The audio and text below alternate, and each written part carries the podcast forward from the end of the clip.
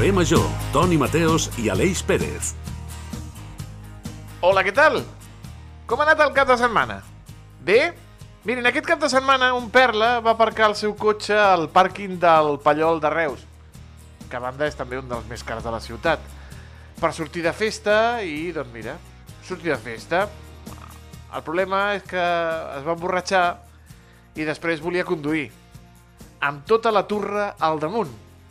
I al veure l'entrar al pàrquing d'un costat a l'altre i fent eh, zigazagues, el vigilant del pàrquing va trucar a la policia local que es va personar al lloc dels fets i li van fer la prova d'alcoholèmia. El Perla va donar un 1,07 de taxa d'alcohol. Quatre vegades més de la taxa permesa. Borratxo total i volia conduir. Però és que aquella mateixa nit, unes hores abans, una altra notícia encara més divertida. Al costat de la comissaria de la policia local de Reus hi ha un pàrquing a l'aire lliure on aparquen molts cotxes. I allà van a buscar el seu cotxe una altra perla, un altre individu, on el tenia aparcat. La policia va sentir des de comissaria grans accelerades brum, brum, que fotia amb el seu cotxe i, i, bueno, es van acostar i feia moviments estranys i fins i tot va xocar contra un altre cotxe. El van fer bufar i, oh, sorpresa, 0,7%. Borratxo. Sembla que la campanya de la Direcció General de Tràfico de fa uns anys, aquella de si bebes no conduzcas, amb l'Stevie Wonder, doncs no acaba de calar. A mi em feia gràcia perquè Stevie Wonder és invident. Si vas o ets sec, no condueixis. Què tal el teu cap de setmana, estimat Aleix Pérez, de la nova ràdio? Doncs molt bona tarda, Toni Mateus. Doncs mira, t'he trobat una miqueta a faltar, eh? He dit, mira, carrer Major, trobo una miqueta a No, faltar jo el Toni. Com? Perdona. Jo no. No, no. ni una mica, jo que dius... Mira, divendres jo quan desconnecto. estic prenent la jo el cervesa, la... quan, jo quan estic prenent la eh? cervesa i a la terrasseta de l'això, dic, mira, ara l'Aleix aquí... No, no, no et passa. No, no, no, no, no, no, que va, que va. Ni, ni, que, ni estava mirant els pastorets diumenge a la tarda i no et vaig trobar a faltar. Jo, les, jo quan arriba divendres a les 7, desconnecto. No. Ja veig que, que, aquesta, que aquest tracte no és, no és recíproc, no? que aquesta relació no és recíproca. Intentarem seguir el programa a pesar de- d'aquestes dures declaracions, veritat, Toni? Sí, home, tant, home, i tant que seguirem. Eh? De ser professionals, no? Home, ja saps que som els de carrer Major I tant. i estem secs de felicitat de poder acompanyar-los, l'Aleix i jo, una tarda més. Des de Ràdio Hospitalet, de l'Infant, Altafulla Ràdio, Ona la Torre, Ràdio Montblanc, Ràdio La Selva del Camp, Baix Camp Ràdio, la nova ràdio de Reus i Ràdio Ciutat de Tarragona. Des d'allà, des de Ràdio Ciutat, segat pels cables el nostre tècnic, en Diago Moreno. I qui els parla, el Toni Mateos, que si em treuen les ulleres, doncs mira, una mica sí que, sí que hi vaig. Benvinguts a la ràdio, benvinguts al carrer Major.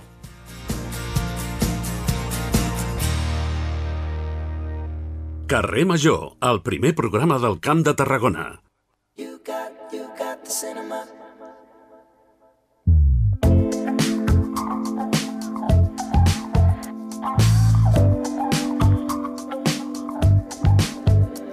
It's you. And I'm not getting over it. Is cool? Anem de festivals, però de festivals de, de curtmetratges. El Frame Festival és un festival itinerant amb l'objectiu de portar el cinema al màxim de llocs possibles i on sigui molt difícil de veure. Va néixer el 2014 i a punt de complir 10 anys d'existència, aquest proper dissabte arriba a la gran final del Frame Festival a l'Auditori de la Diputació de Tarragona. Hem convidat el director del Frame Festival al nostre programa i el tenim assentat als estudis de la nova ràdio de Reus, el senyor Josep Baro, i al qual saludem. Senyor Baro, molt bona tarda. Hola, bona tarda, què tal? Benvingut. Què, què heu après d'aquests gairebé 10 anys de, de festival, senyor Baro? A veure, mm, t'he de fer una petita correcció, eh? perdona. El, el festival Frame Film Festival neix eh, fa 10 anys, però en el seu dia canvia de nom i és un altre festival i ara l'hem eh, tornat a agafar. Llavors, Mm. és la segona edició que anem tombant per municipis de la província de Tarragona. I, I què és el que heu après, senyor Baro? Bueno, doncs eh, que arribar a la gent i que quedin contents per aquesta feina que fas, a més de que t'agrada, deixes contenta la gent, és, és, és molt important. I estem, estem gaudint molt eh, reobrint cinemes a, a municipis molt petits que ja feia temps que no ho feien servir. Com hem dit durant aquest 2023 passat, heu portat curs de qualitat a, a tot arreu. Heu visitat un munt de pobles. Eh, quins pobles heu visitat? I com ha estat Doncs- aquesta experiència de reobrir, reobrir els cinemes? Doncs mira, hem estat a Albinyana, Alforja, Escó, Cabra del Camp, Castellvell del Camp, La Canonja, l'Ampolla, l'Arbós, Montbrió del Camp, Montmell, Ribarroja d'Ebre, Sant Jaume d'Enveja i Serral. Per tots aquests eh, hem passat i hem, hem portat eh, 20 pel·lícules a cada un d'ells que han escollit entre tots la final de- d'aquest cap de setmana. I jo et volia preguntar eh, una mica també, si de, de tots aquests municipis entenc també que clar, la gent és diferent, la manera inclús de veure el cinema i de, de que és diferent també una mica, entenc que quines hi ha hagut peculiaritats depenent de, de quin municipi heu visitat? Bueno, sí, el, el públic és sempre diferent. Hi ha alguns que van seguint el festival, eh? Sí. però normalment és, és gent diferent i, i, bueno, i és curiós pel·lícules eh, que en un municipi eh, criden molt l'atenció o guanyen, en altres no tenen la mateixa repercussió, no? I, i guanyen unes altres que, que, que en un altre municipi no hagués, no hagués tingut tanta, tanta, um, bueno, tanta importància. Les temàtiques, les no, temàtiques també. no? O sigui, sí, les temàtiques. Depèn de cada públic, eh, empatitza més amb una temàtica o amb una altra. És molt curiós això, que guanyi, per exemple, una pel·lícula i al poble del costat o un poble 20 quilòmetres més enllà guanyi una altra. Doncs sí, així és. Així és, tal qual. Així és, així és el La gent són, són diferents, tots. Uh, en, en tots aquests pobles eh, s'ha agafat eh, d'inspiració el territori. Quines temàtiques han abordat els participants d'aquest eh, festival, del Film Festival? Bueno, temàtiques n'hi han de tot tipus. Eh? Eh, Nosaltres sempre fem la selecció amb temàtica bastant social. No? Mm, Volem buscar històries molt properes que arribin al públic i que se sentin identificats amb elles o coneguin algú que, la, que, que se sembla molt a alguna experiència. No? I, I és la gràcia que té aquest festival, no? que quan, quan la gent surt de la sala surt remoguda perquè sempre li queda alguna cosa dins de les, de les vivències que han vist, no? de les històries que han vist que en poc, en poc temps, en una hora de, de projecció, doncs li estàs eh, donant cinc, cinc inputs diferents, cinc històries diferents, i això els remou per dins.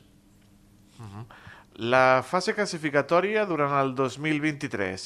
Expliquin, senyor Baró, com ha anat eh, tot aquest procés, perquè eh, és curiós, eh, era el públic el que escollia els guanyadors o hi havia un jurat especialitzat com en altres festivals?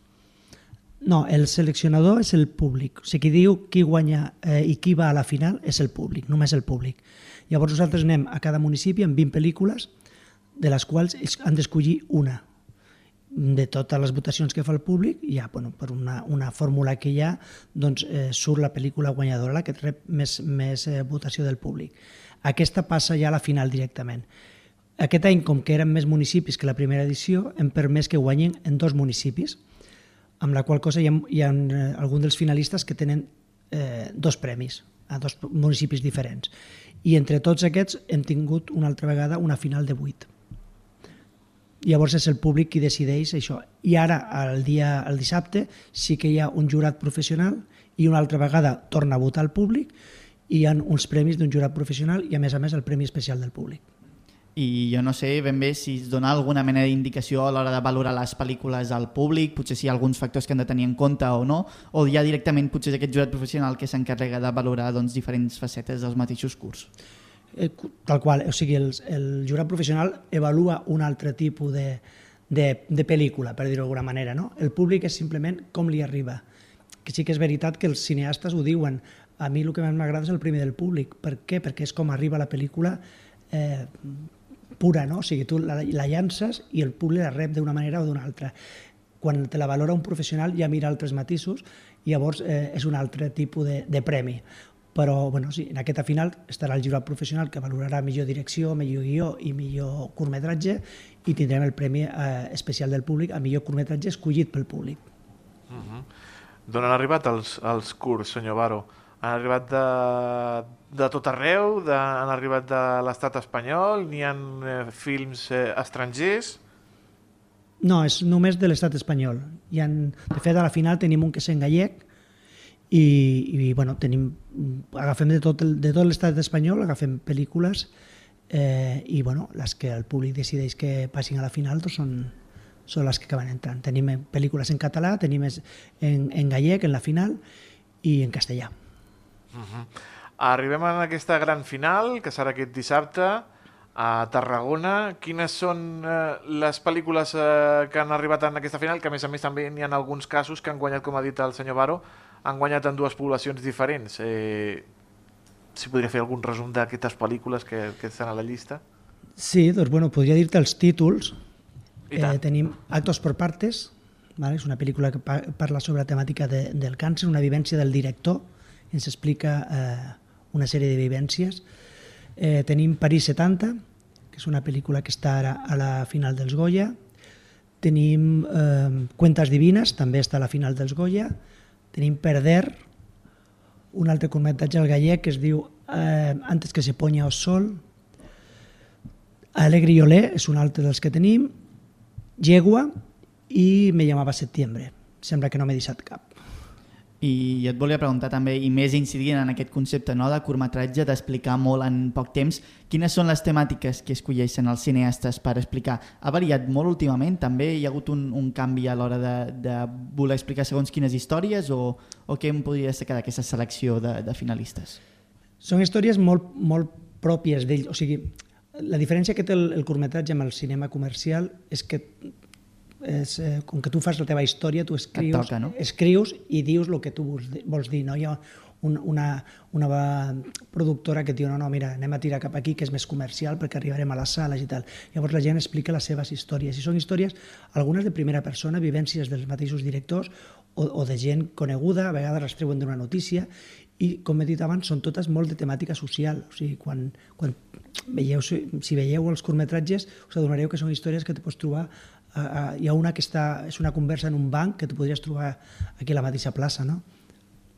Humanes també llavors, per molt tant, humanes, molt representen... humanes, que és el que al públic li agrada. Això al públic per això surten remogut de la sala perquè veuen molt, molt a prop totes les històries que els presentem. inclús també a vegades amb els mateixos actors, no? les persones que participen en aquests curtmetratges també, jo crec que a vegades també no? de, moltes vegades es, es premia no? aquesta figura doncs, desconeguda dins del món del cinema que també tenen oportunitats als curtmetratges també de demostrar les seves capacitats.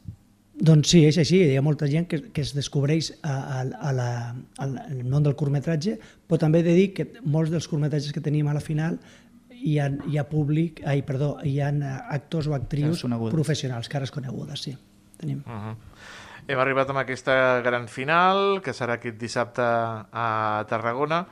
Home, una, una cosa de la que podeu presumir des del Frame Festival és que porteu el, el cinema a, a llocs petits, a poblacions petites, eh, i aquest és un fet diferencial si us compareu amb, amb d'altres eh, festivals d'aquí del Camp de Tarragona, que potser tenen les eh, mateixes pel·lícules, alguns dels curtmetratges que, que, que es repeteixen de festival en festival, però el vostre feu arribar doncs, al cinema a, a diferents llocs de, del, del territori, aquest festival itinerant, no? Sí, de fet va néixer així. La, la, la nostra idea principal era fer arribar, de fet, la, eh, la nostra promo, eh, el vídeo promocional és un noi repartint un repartidor de pizzas i, i que de dins de la bossa de les pizzas treu una llauna de cinema no? i la porta a la gent a casa. I és el, el, la nostra idea, no? portar el cinema a casa de la gent. Evidentment, no ho fem a, a, a cases particulars, però sí que estem, com he dit abans, reobrint sales. No? Per exemple, recordo que l'alcalde de, d'Albinyana eh, ho va comentar el dia que, que obríem el festival allà, diu, escolta'm, aquesta sala abans era un cinema, ara fa 40 anys que no ho era i ara ho torna a ser, no? I això doncs és, és molt bonic.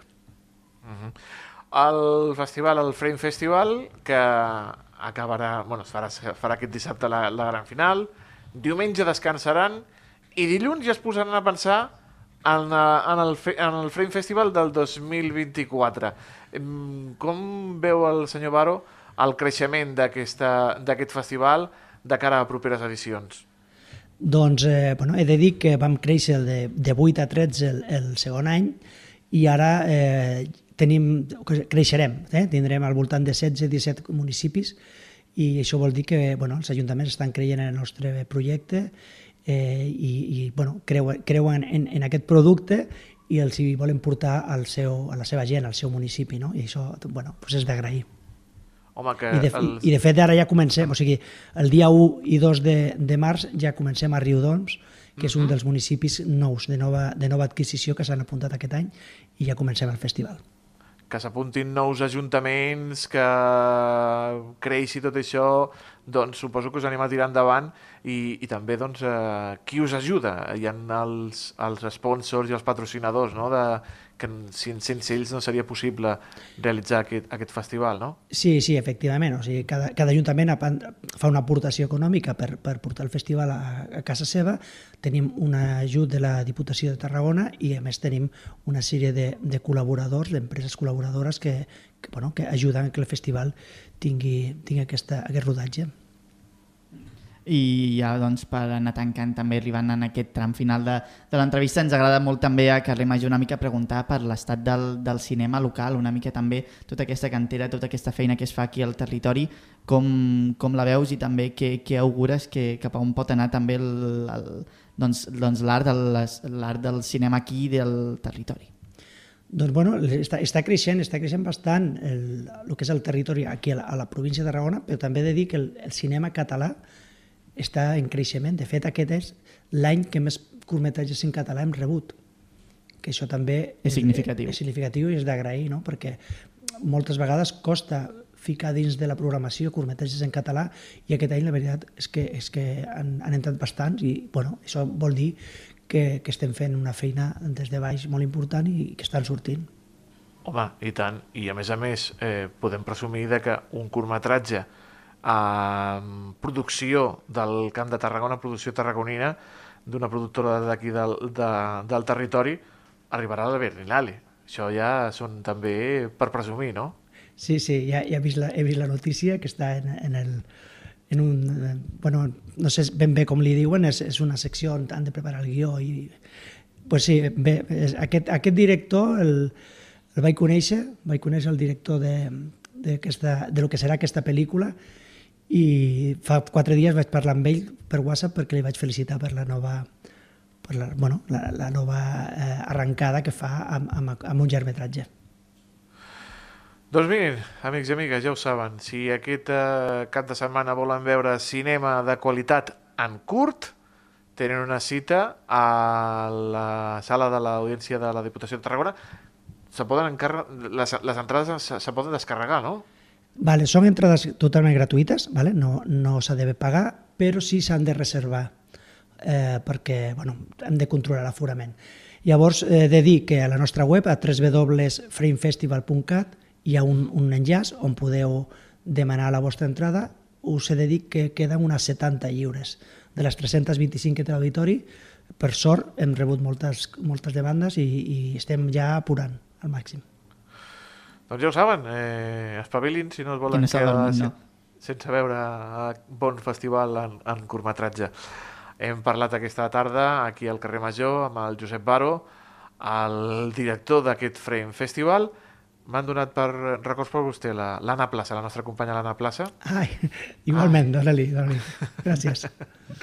Diu que la gent de, de, de Vilaseca doncs, se coneixen entre tots. Sí, Una abraçada i que sí. moltíssimes gràcies. Moltes gràcies, una abraçada. Que vagi bé.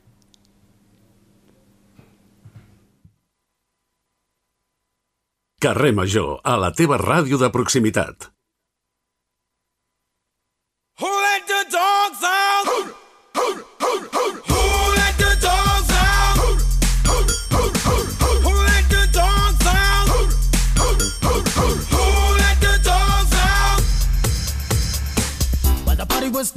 Party was pumping,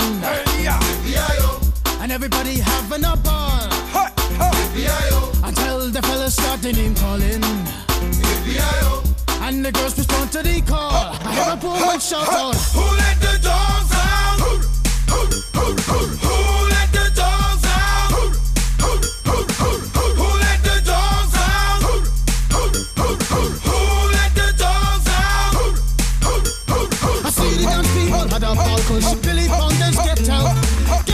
Gruffy. Bash Gruffy. Get back, you flea infested mongrel.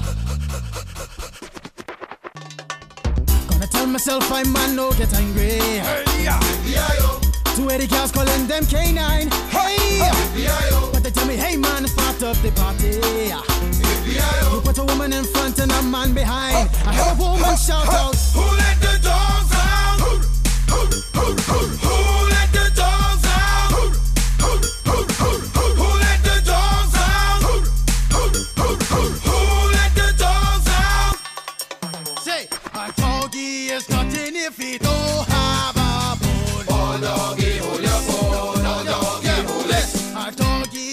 Vinga, anem amb el, la secció de veterinària que cada 15 dies portem aquí fins al carrer Major.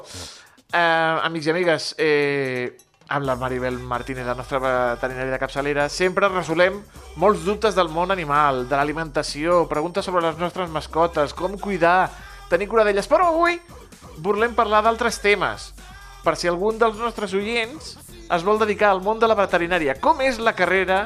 Què ensenyen? Curiositats? On es fa?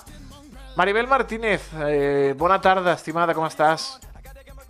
Hola, bona tarda. I, i bon any. I bon, Bon any, any, exacte, exacte, que no, vam, no hem parlat amb tu. Maribel, de moment, només s'estudia veterinària a, aquí a Catalunya en, en un sol lloc, no?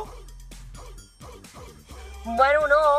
El, a veterinària, ara ha la, la carrera de sempre que es fa a la Universitat Autònoma i, i, i ara a Lleida hi ha una facultat de veterinària també, Ah, que és més mira. és com a producció animal. És perquè mm, bueno, és, és, també és veterinària, però és una altra branca, doncs. Tot i que molt, molta gent que fa la carrera allà després fan postgraus i aquestes coses i es dediquen a la clínica. Ara hi ha dos llocs. Tu vas començar a, a, a, a la- l'autònoma. Eh, què, què és això de, de dedicar-se a, a la veterinària? Transport, anar fins allà, viure allà, els que s'ho podien permetre, anar i tornar cada dia... Com, com era tot allò, Maribel?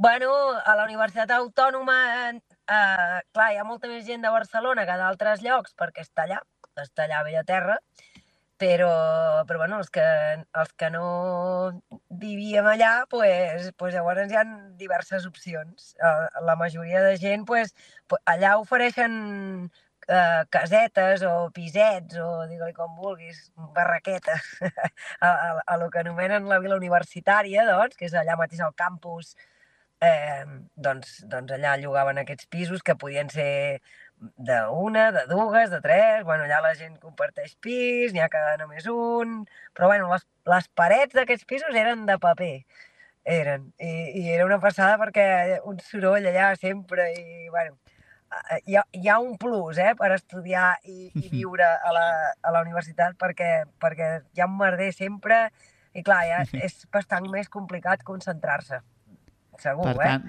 Llavors, molta gent se'n anava a, a Cerdanyola, a Sabadell, als, als, a les ciutats del costat i llogaven un pis i això que, que bueno, llavors, amb les combinacions tan bones que tenim de la Renfe, que jo ara algunes vegades sento, sento els problemes que al matí diuen a, a, a la ràdio de, de, de, de trens que no arriben o que arriben tard i penso, hòstia, encara estem així?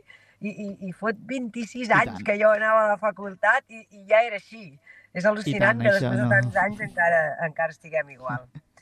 Això no ha canviat, Maribel, i, i m'agrada perquè crec que et recordes no, amb, amb molt bons ulls tota aquesta etapa i et volia preguntar també una mica pel, pels estudis. Al final també, com, com eren els estudis? També entenc que al ser també una carrera de, de, de, de, de medicina, no? entenc que també doncs, era, era, era feixuga i també moltes hores d'estudi. Bueno, la majoria de les carreres que, que quan jo estava estudiant, doncs, doncs o vas a la facultat al matí o vas a la facultat a la tarda i, i, i llavors a, a la resta del dia doncs, la tens per, per estudiar a casa o per fer, jo què sé, per, per fer esport o per no sé. Però cosa. la carrera veterinària tenia, era, era a primer classes pel matí, pràctiques per la tarda. A segon, classes per la tarda, pràctiques pel matí. A tercer, classes pel matí, pràctiques per la tarda. I així, fins a cinquè. Així que, sí, sí, és, és una carrera que ho has de tenir una mica clar, perquè si no és molt esgotador. És, és... Mhm. I no la pots compaginar amb feina, eh? És... O, o sí, però llavors en comptes de durar-te 5 anys, doncs et pot durar pues jo què sé, no ho sé. Depèn de lo hàbil que siguis, eh? però, hòstia, és complicat. complicat. Entenc que les pràctiques les fèieu també, les fèieu allà a la mateixa universitat, perquè ens ha dit l'Anna Plaça que ella recorda veure vaques amb, amb taps de suro, o alguna així, ens ha dit. Com, com? Qui, qui és l'Anna Plaça? L'Anna Plaça és la conductora del carrer Major a primera hora, de 4 a 5. Ella el, con- Ah, el molt bé. condueix. Vaques amb tat de suro. Ostres, sí, a, al, a la facultat hi ha una granja i allà hi havia vaques, hi havia algunes ovelles i també hi havia, hi havia un hospital de cavalls a darrere que també tenien algun cavall allà hospitalitzat i, i, i les vaques aquestes amb tat de suro que diu, eh, se'ls hi fa com una mena de... Bueno, les vaques tenen diversos estómacs, llavors eh, un d'ells es, eh, es, es cosia la, la paret d'aquest estómac a la paret abdominal externa, doncs, i allà es posava una mena de tap. I, i allà feien proves de- d'extreure de, aliments per veure com s'havien digerit i, i bueno, feien diferents... No, no, no és problema, eh, això e- era una cosa molt habitual. No, no era de suro, era com, com de plàstic. sorprèn. De sorprèn no, això, això. No. Les pràctiques, eh, bueno, és, com no ho has eren? vist mai, sobte, però al final... Pues, Clar, clar. Eh, com eren les pràctiques a, a la Universitat de, de Veterinària, Maribel? Hi havia pràctiques de tot, hi havia pràctiques de... Les més divertides, les d'anatomia, està clar, que, que aquestes ja es fan a primer, perquè així doncs, comences ja tocant coses. I, i, i bueno, es fan amb, amb, amb cadàvers de gossos, doncs, per, per estudiar. Doncs tu, quan començaves primer, tenies un grup de pràctiques d'anatomia i, i éreu cinc o sis, i, i llavors tenies el teu gos, Eh, llavors el teu gos pobret era un cadàver que, que estava allà amb un congelador en formol i tenia una etiqueta amb una pota i, i llavors pues, d'aquell gos durava tot un any sencer eh, pues, bueno, un dia s'estudiava una part, un dia una altra, després mm, pues, a l'examen també et demanaven pues, que assenyalessis coses i bueno, eren, aquestes eren les pràctiques de, per començar a aprendre on estava tot i això. Després hi havia les pràctiques més divertides, doncs, que eren o a laboratori amb, doncs, bueno, practiquetes així amb ratolins i amb, amb, amb plaques i, bueno, era, era una mica així més, més entretingudet, doncs, i, i després ja conforme vas avançant, doncs ja, ja pots anar a fer pràctiques amb, amb centres externs, doncs, que llavors doncs, ja, ja, toques doncs, més animals vius. I després hi havia les pràctiques de grans animals, que també les feies amb granges, i, i allà doncs, t'ensenyaven per mateix, però, però en vius. I, Per, i perquè al final... Perquè al final, Maribel, no, eh, l'entenc que l'objectiu també és fer una formació en què, donat un moment i tinguis tu una consulta, doncs siguis capaç d'atendre el màxim de- d'animals o saber què, què els hi passa, no?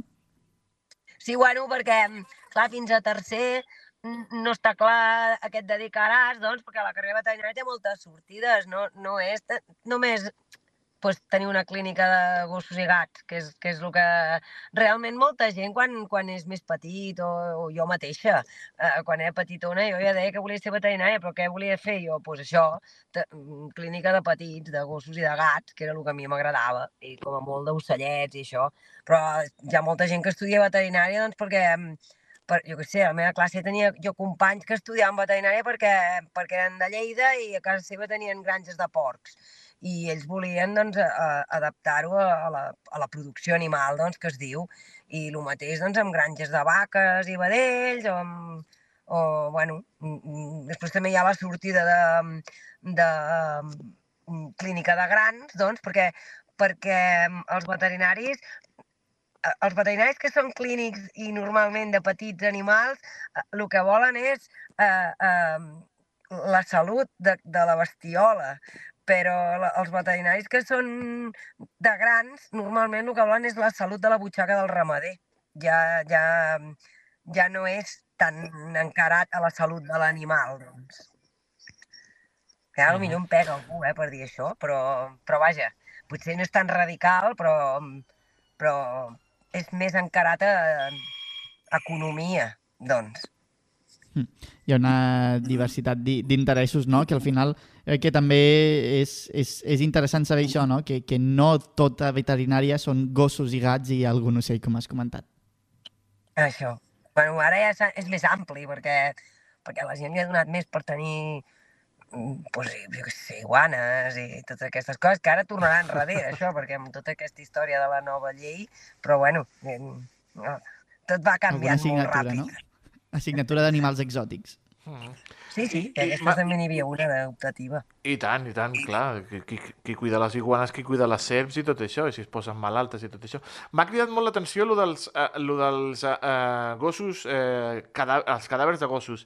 I allò de, de la gent que diu jo quan em mori vull que donin el meu cos a la ciència i acaben doncs, a l'hospital. Aquí també passa exactament el mateix, no? Mm, No ben bé, perquè aquí no hi ha ningú que tingui un gos a casa i que després quan es mor li doni el cadàver a la ciència. Normalment Sí. pues, s'agafen cadàvers de gossos de gosseres, pobrets. Nosaltres teníem Mhm. galgos del canòdrom, que llavors quan, Ah, quan, quan se morien doncs ens els portaven i quasi tots eren galgos.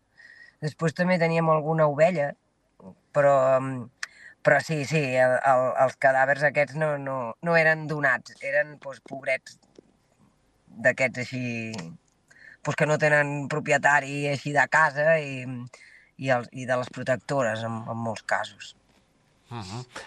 Les sortides professionals, has parlat, eh, però, per exemple, si algú ens està escoltant i es vol dedicar a la veterinària, quin consell li donaries? Què li diries tu a una persona que vulgui estudiar veterinària?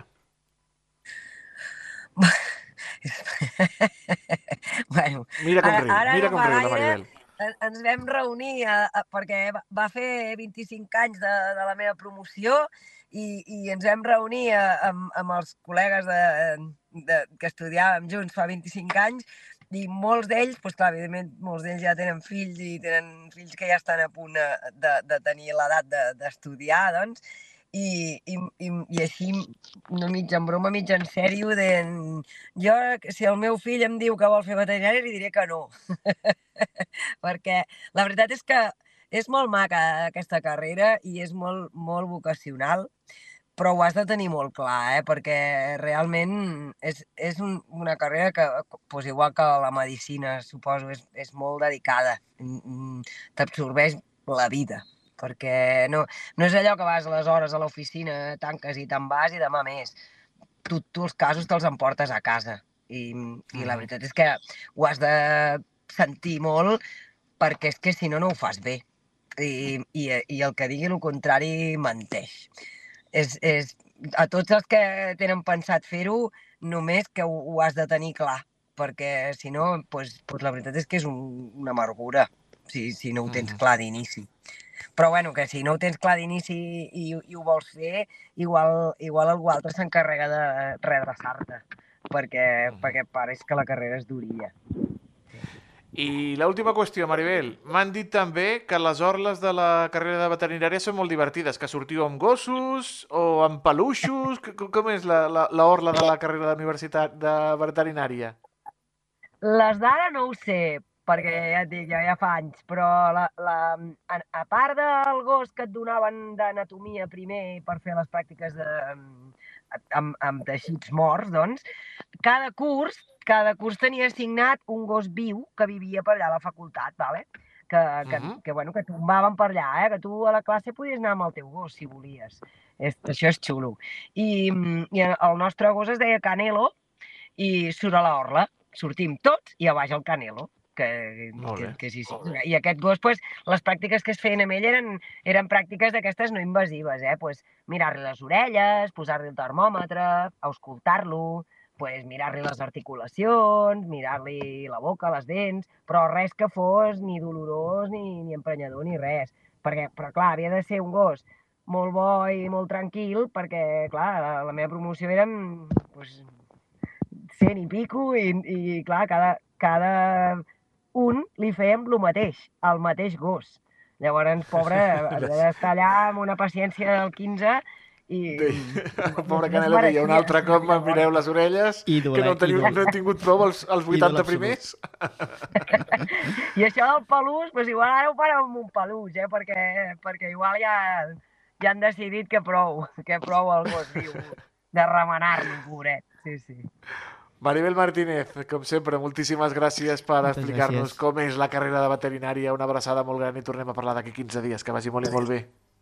Gràcies a vosaltres. Adéu-siau. Una abraçada. Adéu-siau. Adéu. Carrer Major, la proximitat del Camp de Tarragona.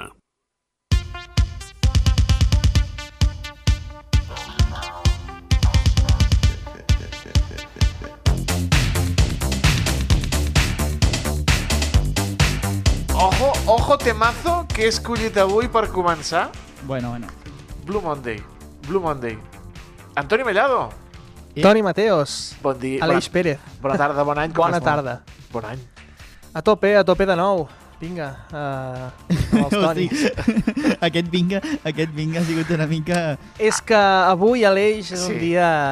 Diuen que és un dia Diuen, no? trist, un dia... Avui, dilluns 15 de gener, per moltes persones serà un dia qualsevol, enmig de llargues jornades Sí. laborals, fred hivernal, embussos i l'amenaça latent d'aquest virus de la grip que alguns ens està portant pel camí de l'amargura. Res nou en l'horitzó. Però no obstant això, aquest dilluns 15 de gener també és, el, com deia el Toni, Blue Monday. Blue Monday. Per moltes Bravo. persones, el dia més trist de l'any. Sí, i quina gran cançó dels New Order. Ai, és, sí. és una tradició d'origen anglès amb gairebé dues dècades de vida. Està de baixada, de mal rotllo, fet pols, o no sé, de bajona, com diuen ara els joves. Est estoy out. Estoy de bajona. Estoy de bajona. Són algunes de les expressions que s'utilitzen per descriure un estat d'ànim, doncs, eh, de tristor, de... Ai, no sé què fer amb la meva vida. En anglès, totes aquestes bajones, baixades, mal rotllo, es poden englobar amb una sola paraula que és to feel blue, és a dir, que em sento de color blau, estic blau, estic blue. Però d'on ve tota aquesta tradició, Toni Mateos? Pregunta-m'ho, pregunta-m'ho, que em fa il·lusió. Antoni Meirado, d'on ve tota aquesta tradició del Blue Monday? Gràcies per preguntar-me, Toni Ei, Mateos. molt bé. Estàs molt atent a la secció d'avui, eh? eh? Doncs va ser el 2005 quan un professor a temps parcial de la Universitat de Cardiff, especialitzat en psicologia, va assegurar el descobriment d'una fórmula matemàtica que determinava el dia més trist de l'any. Alça. Un any després, el professor seria acomiadat del centre per la polèmica que va arribar a generar. El psicòleg Cliff Arnold va determinar que quin seria el dia més trist de l'any a través d'una fórmula que tenia en compte diferents factors, com el clima, els deutes adquirits durant les festes, el temps transcorregut des del Nadal o la motivació respecte als propòsits plantejats per l'any. Per Arnold, per el nostre psicòleg, Cliff Arnold, cada tercer dilluns del mes de gener és el dia de l'any en què s'acumulen més tristesa i càrrega negativa en el cos. A més de símptomes de depressió. Motius? Doncs la temuda pujada del mes de gener, les despeses realitzades per Nadal, la visa que tremola, els propòsits d'any nou que som incapaços Ja de començar o, o, que ja hem, o que ja hem llançat a la brossa, entre d'altres. Sense oblidar també aquests dies tan grisos i aquesta falta de sol que tant trobem a faltar. Cal destacar que Cliff Arnold va basar els seus estudis en diversos motius que tots són innegablement tristos. Però molts científics han titllat el Blue Monday com pseudociència, ja que la seva teoria del Blue Monday va néixer per petició d'una agència de publicitat Ep. que treballava per una companyia de viatges ja desapareguda, Sky Travel. El 2005 es va publicar en diversos mitjans una nota de premsa en la qual es destacava la troballa dels suposats estudis del psicòleg i s'afirmava que la solució a la tristesa era, doncs, planificar un viatge amb els seus serveis. Ah, amigo, aquí, ah, aquí hi ha la trampa. Mm, I tant. Aleix, aquí hi ha la trampa, eh? Dius tu, Ah, Blue amigo. Monday, Blue Monday. Fes-te un, fes un viatge. Aquesta estratègia de màrqueting va funcionar molt i molt bé, va tenir un gran èxit, ja que no sols va fer augmentar les vendes de paquets de viatges d'aquella temporada per la Sky Travel, sinó que també va aconseguir enviar un missatge a la societat que doncs, encara perdura avui dia, encara que se sàpiga que no existeix cap recerca científica que recolzi la No. teoria del Blue Monday. Uh, a veure, uh, uh, jo, per mi és una mica Blue Monday avui, Toni, eh, que m'he Ai. incorporat després de les vacances Bueno. i avui se sent Blue Monday, eh, el dia, però al final és això, pseudociència, eh? Pseudo- És- Demà Estem serà- condicionats mentalment. Emoció enganyado. Exacte, emoció enganyada. Demà serà Blood Tuesday o què? Sempre pot ser blue si, si tu t'ho proposes, Toni. en fi, anem a parlar de la fórmula. La Vinga, fórmula. del Blue Moy, de la, aquesta fó- fórmula concreta, eh? Una fórmula complicada, però com hem dit abans, eh, tenim en compte el clima, els deutes durant les festes, els diners que cobrarem a finals de gener, Uh! el temps que ha passat des del Nadal i el temps transcorregut des de l'últim intent de deixar un mal hàbit, per alguns eh, minuts, potser. Sí. A més, també hi ha les motivacions que encara ens queden i la necessitat d'actuar per canviar tan negatiu com envolta les nostres vides. Aquesta és la fórmula del Blue Monday. Però, com hem dit, la ciència de, la, de, de veritat, la ciència autèntica, ha trobat potser algun dels motius per als quals aquests dies estem de capa caiguda. Eh? L'Antonio està allò Blue Monday. Alerta amb això.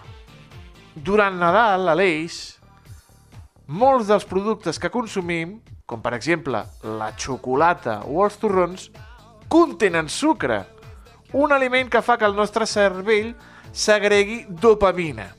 Aquest neurotransmissor està involucrat en moltes funcions cerebrals relacionades amb els sistemes de recompensa i l'addicció. És, és a dir, tenim xocolata, tenim sucre, estem contents. Si la traiem...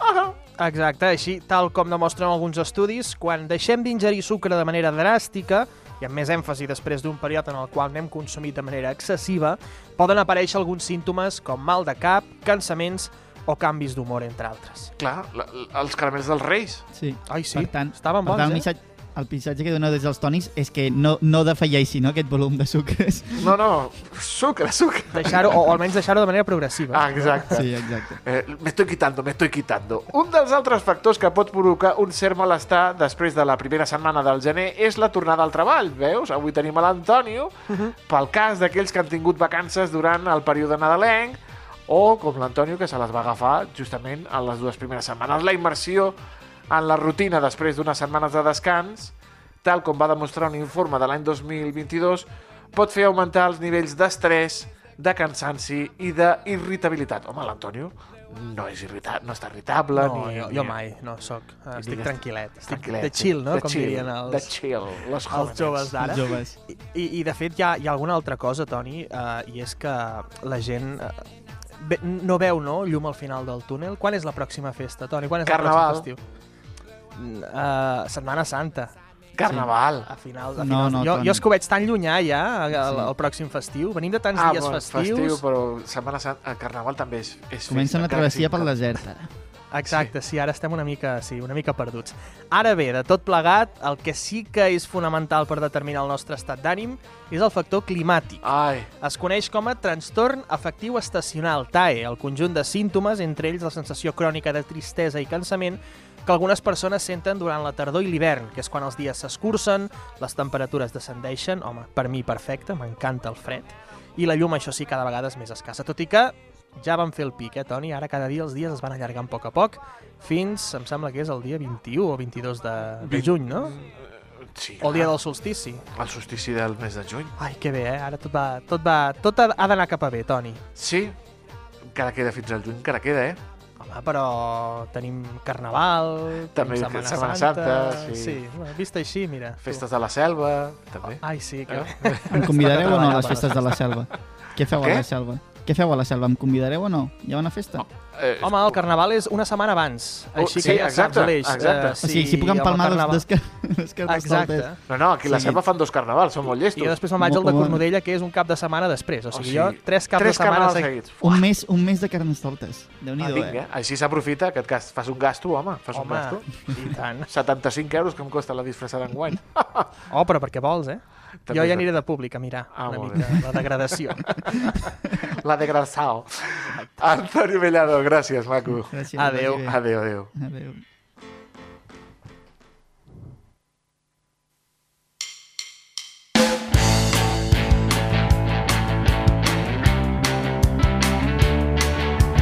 Sintonitza el cops i flames, pots ballar i moure les cames. Cops i flames. Aquest, El aquest, sí Messies que, del rock and roll. aquest sí que no coneix a Blue Mondays, eh? Aquest sí que no té Aquest, Blue aquest és Mondays. el Messies del rock and roll. Aquest sí no. L'enviat, l'escollit. el gran Ariel Santamaria. Gran, el Messies Juanchi. Que gran, que gran, Mare com l'estimem aquí al carrer Major. Eh, per què ha escollit avui el David Fernández, el gran Ariel? Li preguntarem. David, bona tarda.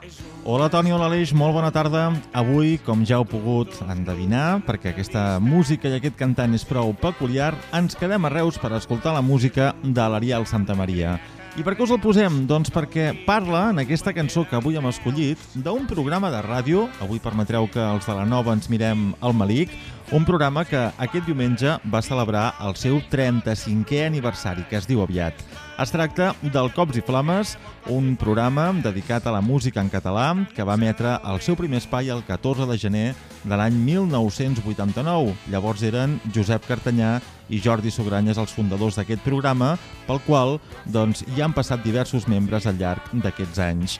Un espai que aquest dissabte em va oferir un espai especial, commemoratiu, per tal de, de celebrar aquestes tres dècades i mitja que es diu aviat en actiu. A veure, Toni, Aleix, si el carrer Major arriba algun dia als 35 anys, eh?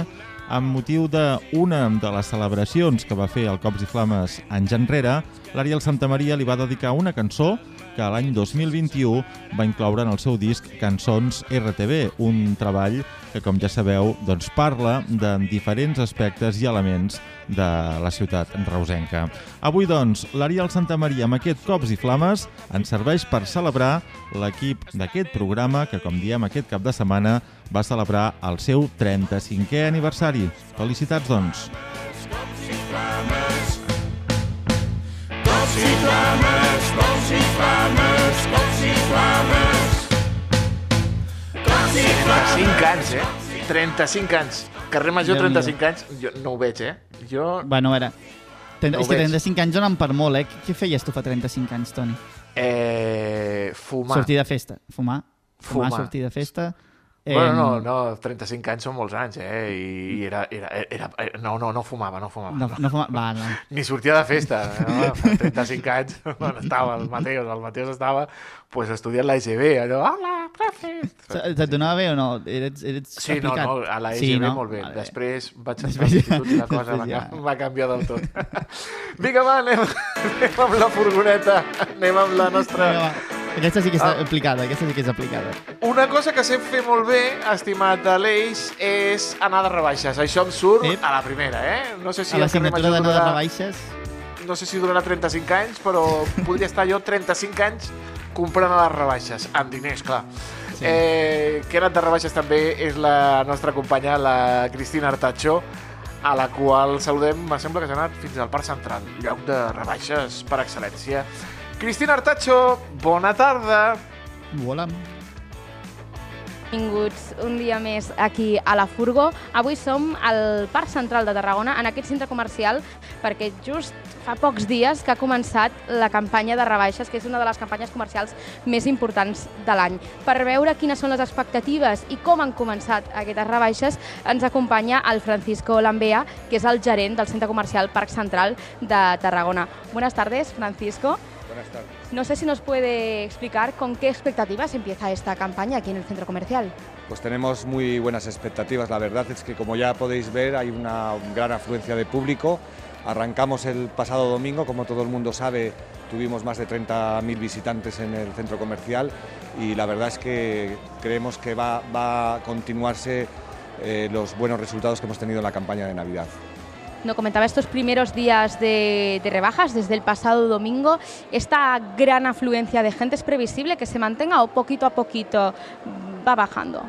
Bueno, realmente el arranque siempre es lo más fuerte. La, primera semana de rebajas es donde se prolonga un poco la, afluencia de gente de la campaña de Navidad y luego ya se va normalizando un poco a lo que es el estado normal. Pero bueno, siendo siempre un buen número de visitantes que han confiado siempre en el Par Central y que nos visitan.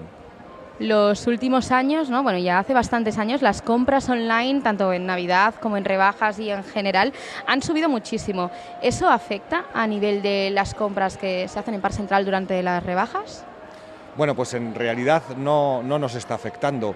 En realidad la compra online es un complemento, se está, está viendo una, digamos, com- eh, una complementación en los dos sentidos de la compra online a la compra real o la compra eh, física y eh, los datos que tenemos no- nos están diciendo que en los últimos dos años, una vez que terminó la etapa COVID, lógicamente, y comparado con el año 2019, estamos un 30% por encima en las ventas que en el 2019.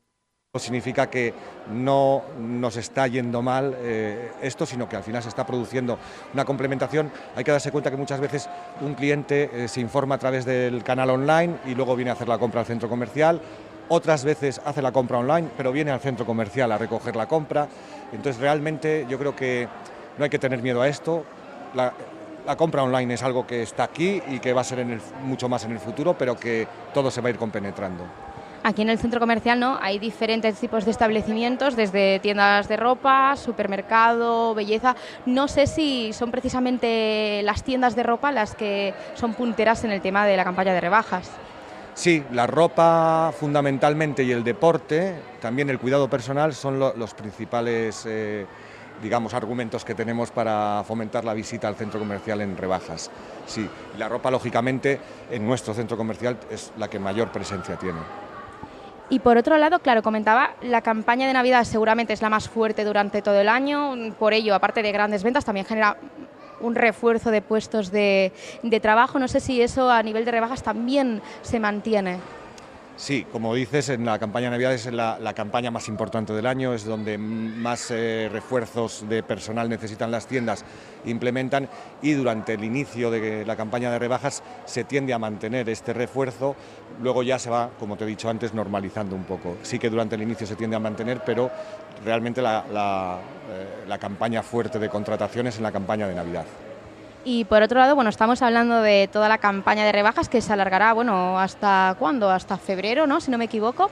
Pero por otro, otro lado, eh, durante, bueno, desde hace esta semana pasada y también esta semana, Par Central tenéis eh, la campaña de reciclaje de árboles de Navidad. No sé si nos podría detallar un poquito en qué consiste.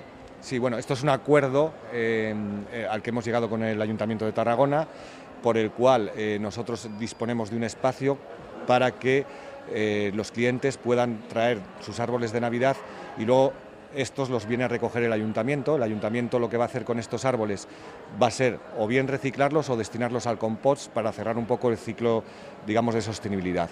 Que no vayan a tirarse a un contenedor ni demás. O sea, o los van a utilizar en reposición de árboles para, para jardines, siempre y cuando sean árboles que se adapten, digamos, al clima local y pueda ser así. Si no es así, se destinarán al compost, que el compost luego se va a utilizar para el cuidado de los jardines también.